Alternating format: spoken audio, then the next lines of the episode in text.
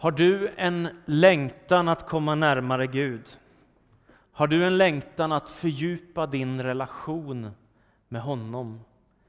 Jag skulle tro att du har det.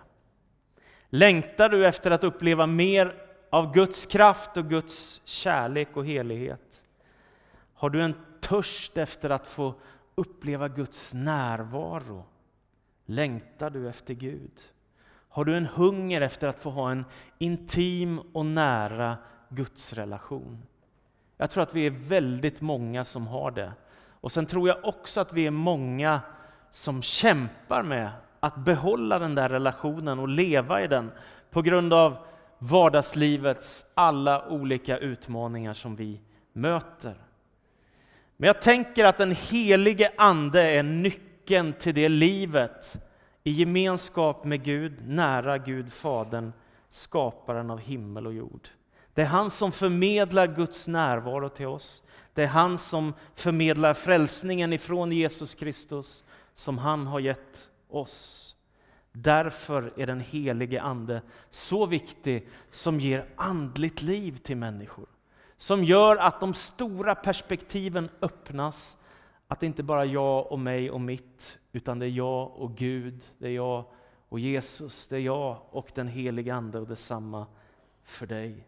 Det är fantastiskt. Jesus säger i Johannes 7, är någon törstig så kom till mig och drick. Den som tror på mig, ur hans inre ska flyta strömmar av levande vatten. Och det säger Jesus om anden.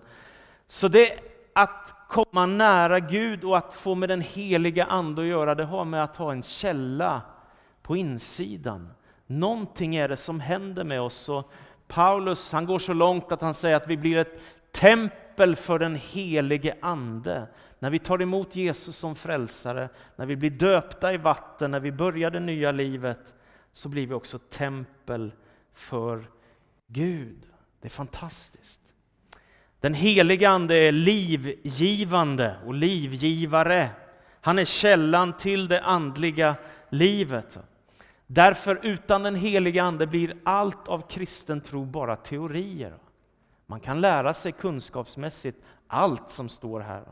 Man kan veta hur man gör när man firar gudstjänst, när man ger i kollekt, när man reser ut som missionär eller när man ber och ändå så kan det bli teori om inte det lever.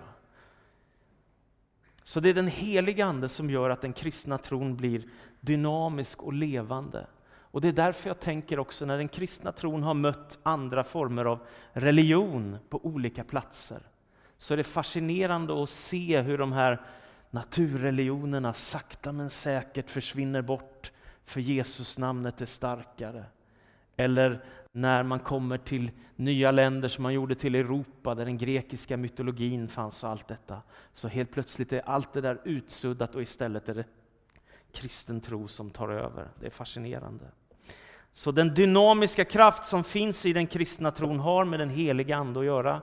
När Jesus möter den samariska kvinnan så säger han, om du bara visste vad Gud har att ge och vem det är som säger till dig, ge mig något att dricka, då skulle du ha bett honom och han skulle ha gett dig levande vatten. Det vatten jag ger blir en källa i honom som ger evigt liv. Om du bara visste vad Gud har att ge. En del människor får för sig att det här med helig ande, att det bara är för en del människor och att det bara är om man talar i tungor eller profeterar eller ber för sjuka som blir friska. Då har man fått helig ande och annars så är det illa ställt med en. Men det är en missuppfattning. Helige Andes verk börjar i en människas liv redan innan hon har blivit kristen. Då börjar anden att dra i ditt hjärta. Varför känner människor ibland så djupt att de behöver Gud, längtar efter Gud? Jo, anden har börjat knacka på ditt hjärta. Och så drar anden dig mot Kristus, mot frälsningen, mot korset, mot det nya livet. Och så börjar du vandra mot detta och sen helt plötsligt så är du en kristen. Och då fortsätter anden att verka i dig genom att föda dig på nytt, står det. Det betyder att du får del av andligt liv, evigt liv. Paulus skriver i första Korinthierbrevet 14 om det här. Sträva efter kärleken, Men sök också vinna de andliga gåvorna, helst gåvan att profetera. Ty den som talar med tungor talar inte till människor utan till Gud. Ingen förstår honom. I sin ande talar han hemligheter. Men den som profeterar talar till människor. Han bygger upp, förmanar och tröstar. Den som talar med tungor bygger upp sig själv, men den som profeterar bygger upp församlingen. Så här säger Paulus, det finns två viktiga gåvor här. Det ena är tungotalets gåva, en fantastisk gåva. Tänk att få denna gåva så kan du kommunicera hemligheter med honom som har skapat universum. Och så kan du bli uppbyggd i din tro för du förstår, jag har fått en gåva utav Gud. En övernaturlig gåva som han börjar använda i mitt liv. Men den här gåvan är till för bara dig. Den är till för din egen uppbyggelse, att du ska komma närmare Gud. Den är inte till för de andra, den är till för dig. Sen finns det en annan gåva, säger Paulus, som de också fick här. Och det är profetians gåva. Att få lyssna till Herrens röst, att få höra ett tilltal, att få ett ord ifrån Gud och sen så få förmedla det ordet vidare till andra människor. Varje gång det händer så är det fantastiskt. Och människor blir djupt berörda, förstår att Gud vill någonting med mitt liv. När man får en profetisk hälsning. Därför så är profetian däremot, den är till för dig. Den är till för oss. Att du får en hälsning ifrån Herren rakt in i din vardagssituation, att Gud vill någonting med ditt liv. Och Paulus skriver att den ska bygga upp, förmana och trösta. Tre saker. Bygga upp, förmana och trösta. Det är det som profetians gåva finns till för. Och den ska alltid prövas, så att inte någon kan lura dig eller så att stämmer inte med det som står i Bibeln så är det enkelt att säga det var ingen riktig profetia. Utan det måste stämma med det som står här. Det här är fantastiska nådegåvor som jag själv också har erfarenhet av.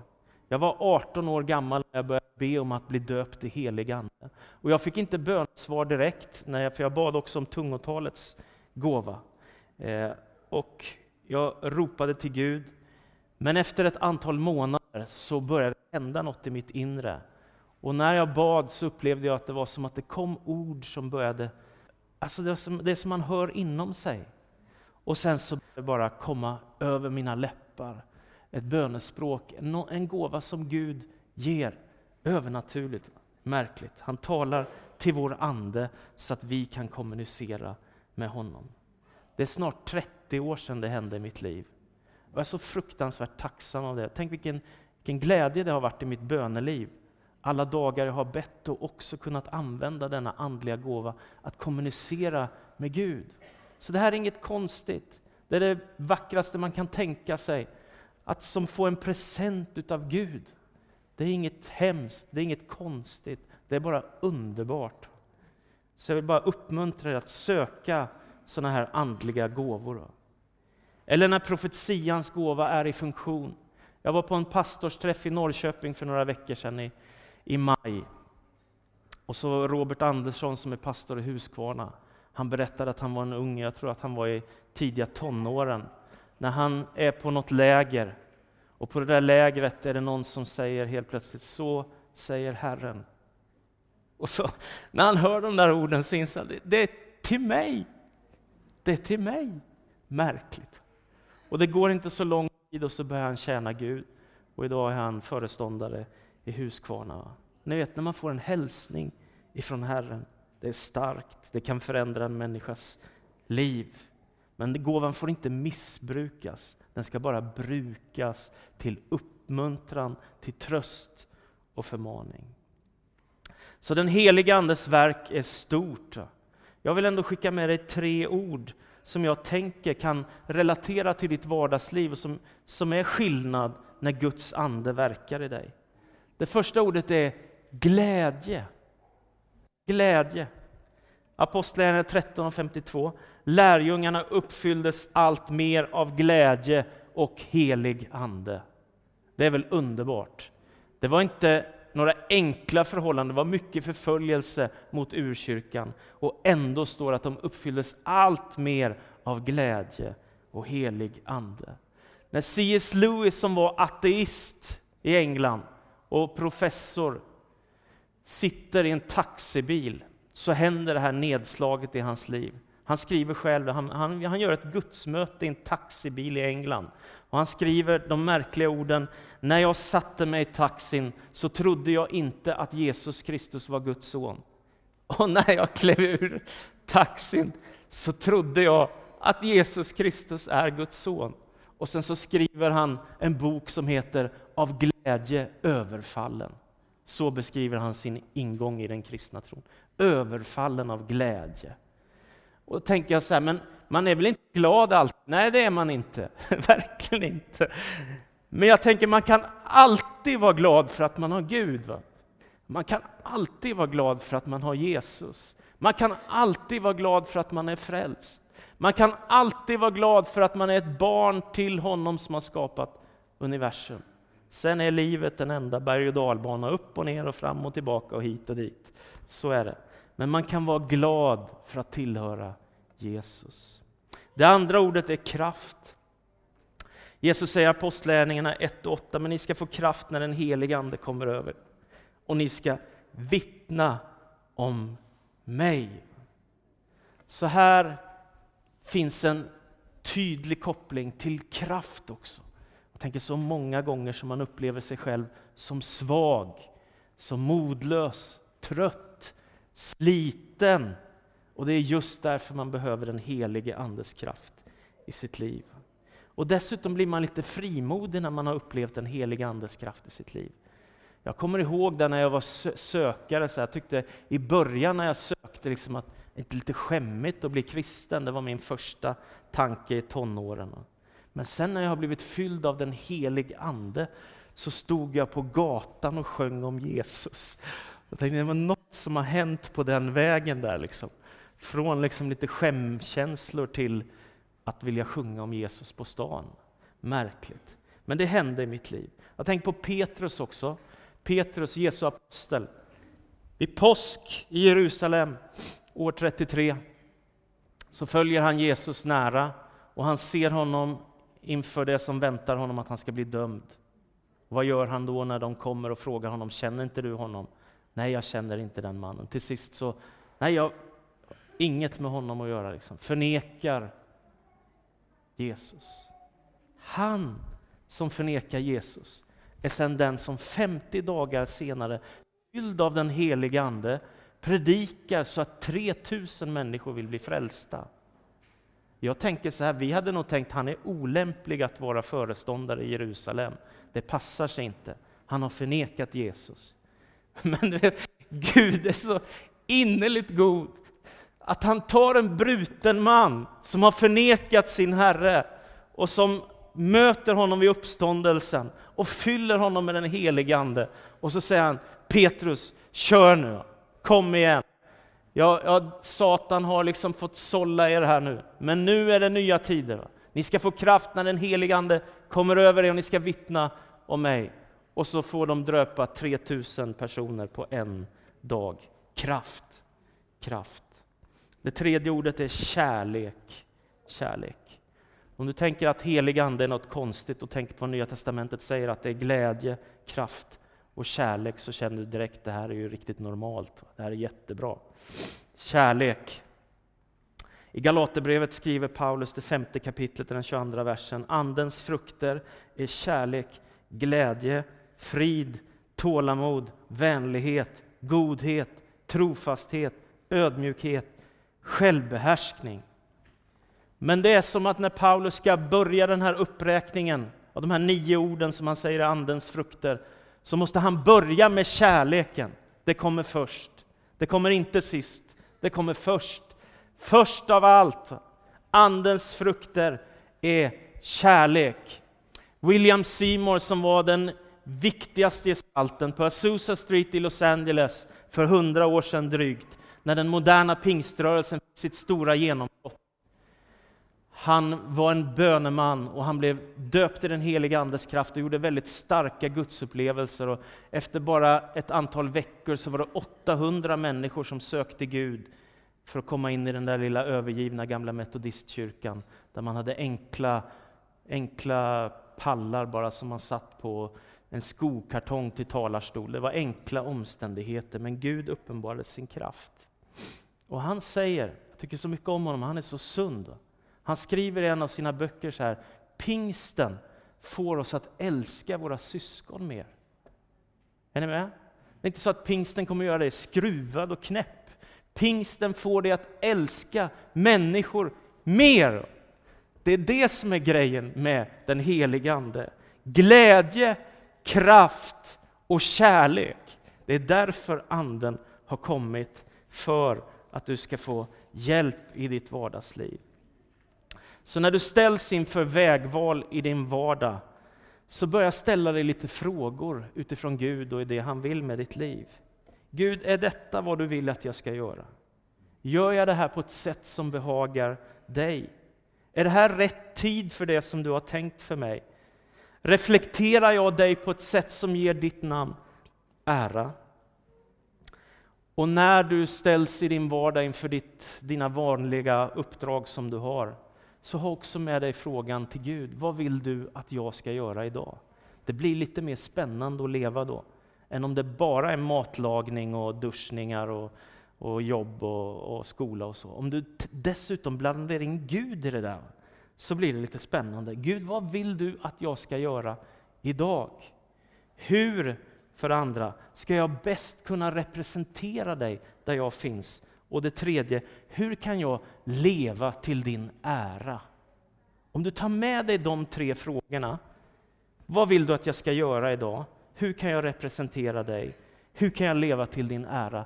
Då kommer ditt liv bli mycket större än om du bara lagar köttbullar, eller bara går till arbetet, eller bara går till skolan. Om du blandar in Gud i det där, så blir det större. I klassrummet, på arbetsplatsen, i ditt hem, vid köksbordet, när du städar, när du ska ringa ett samtal, skicka ett mejl, ett sms, vad du ska göra, ge en gåva, fira en vän. Gud, vad vill du med mitt liv? Vad vill du med den här dagen? För det är dagarna som går i livet. Om du inte blandar in Gud i vardagen så blir det ju väldigt tomt. På söndagen ibland, eller ofta. Det är tänkt för varje dag, måndag, tisdag, onsdag, torsdag. Så hur kan jag få vägledning då för vad jag ska göra med mitt liv? Jo, det finns faktiskt vägledning i ordet. Hur ska jag leva för att behaga dig? Du kan läsa Bibeln regelbundet. Du kan lyssna till predikan regelbundet som gör att du får vägledning.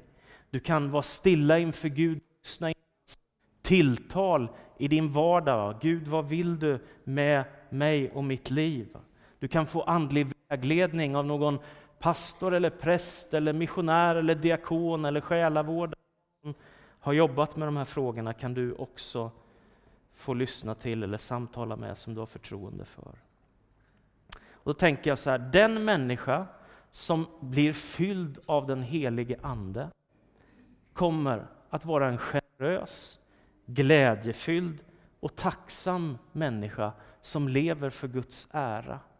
Eller? Ungefär så. Den människa som blir fylld av den helige Ande kommer att söka Guds vilja med sitt liv och hängivet vilja tjäna honom. Den människa som är fylld av den helige Ande kommer att växa i Andens frukter och mogna som människa i kärlek, frid, tålamod, glädje, självbehärskning och allt som det står. Den människa som är fylld av den helige Ande kommer också att få andliga gåvor i sitt liv så som vi har sagt här idag. Tungotal, profetia och massa annat. Den som är fylld av den helige Ande kommer också ha en djup längtan efter att fler människor ska få upptäcka Jesus som du har gjort. En djup längtan efter att vinna människor. Så jag bara avsluta med välsignelse att få uppleva den helige Andes närvaro och kraft i sitt liv. Det är en välsignelse att veta att den helige Ande kan vägleda mig om jag studerar det här ordet. Det är en välsignelse att bli döpt i den helige Ande och bli uppfylld av hans kraft. Det är en välsignelse att få se Andens gåvor komma i funktion i människors liv. Det är en välsignelse att se Anden av kärlek, självbehärskning, tålamod och glädje växa fram.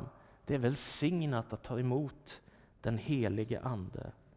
Och som avslutning, Thomas Ball Barrett bodde 23 mil härifrån i Oslo på 1900-talet.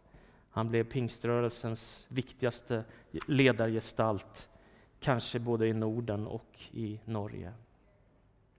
När han var i New York på resa fick han höra människor som sökte efter Guds kraft. Han läste om vad som hände, att människor upptäckte de här andliga gåvorna och gjorde Guds möten. Och sen så började han ropa till Gud om att få göra det själv. Och så ber han, och så skriver han när det har hänt att han har blivit fylld med den helige Ande. Prisad vare Herren. Det brinner i min själ. Jag tycker mig vara den lyckligaste människan på jorden. Jag är uppfylld av glädje, frid och kärlek till Gud och människor. Jag tycker det låter väldigt, väldigt bra. Kom helige Ande och ge oss liv. Amen. Jag ber dig Jesus Kristus att du skulle hjälpa oss var och en. Du vet hur vi har det där vi är, på arbetsplatsen, i skolan, i hemmet, med vänner, familj, släktingar. En del av oss går igenom underbara tider, andra kämpar för sitt liv, Herre. En del av oss är överlyckliga och har just gjort fantastiska upplevelser. Andra sörjer och kämpar, Herre. En del av oss mår bra och är så härligt i form, Herre. Och en del andra kämpar med vår hälsa, Herre. Tack för att du är en barmhärtig Gud. Och tack för att vi får lita på att du är med oss varje dag. Inte bara de ljusa dagarna, utan varje dag, Herre.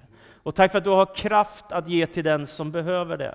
Tack för att du har glädje att ge till den som behöver det. Och tack för att din kärlek kan möta med oss och hjälpa oss, Herre, att komma vidare som människor, Herre. Jag ber så i Faderns och Sonens och den helige Andes namn, att du ska välsigna oss och låta din helige Ande få verka i våra hjärtan. Så ber vi i Jesu namn. Amen. Amen.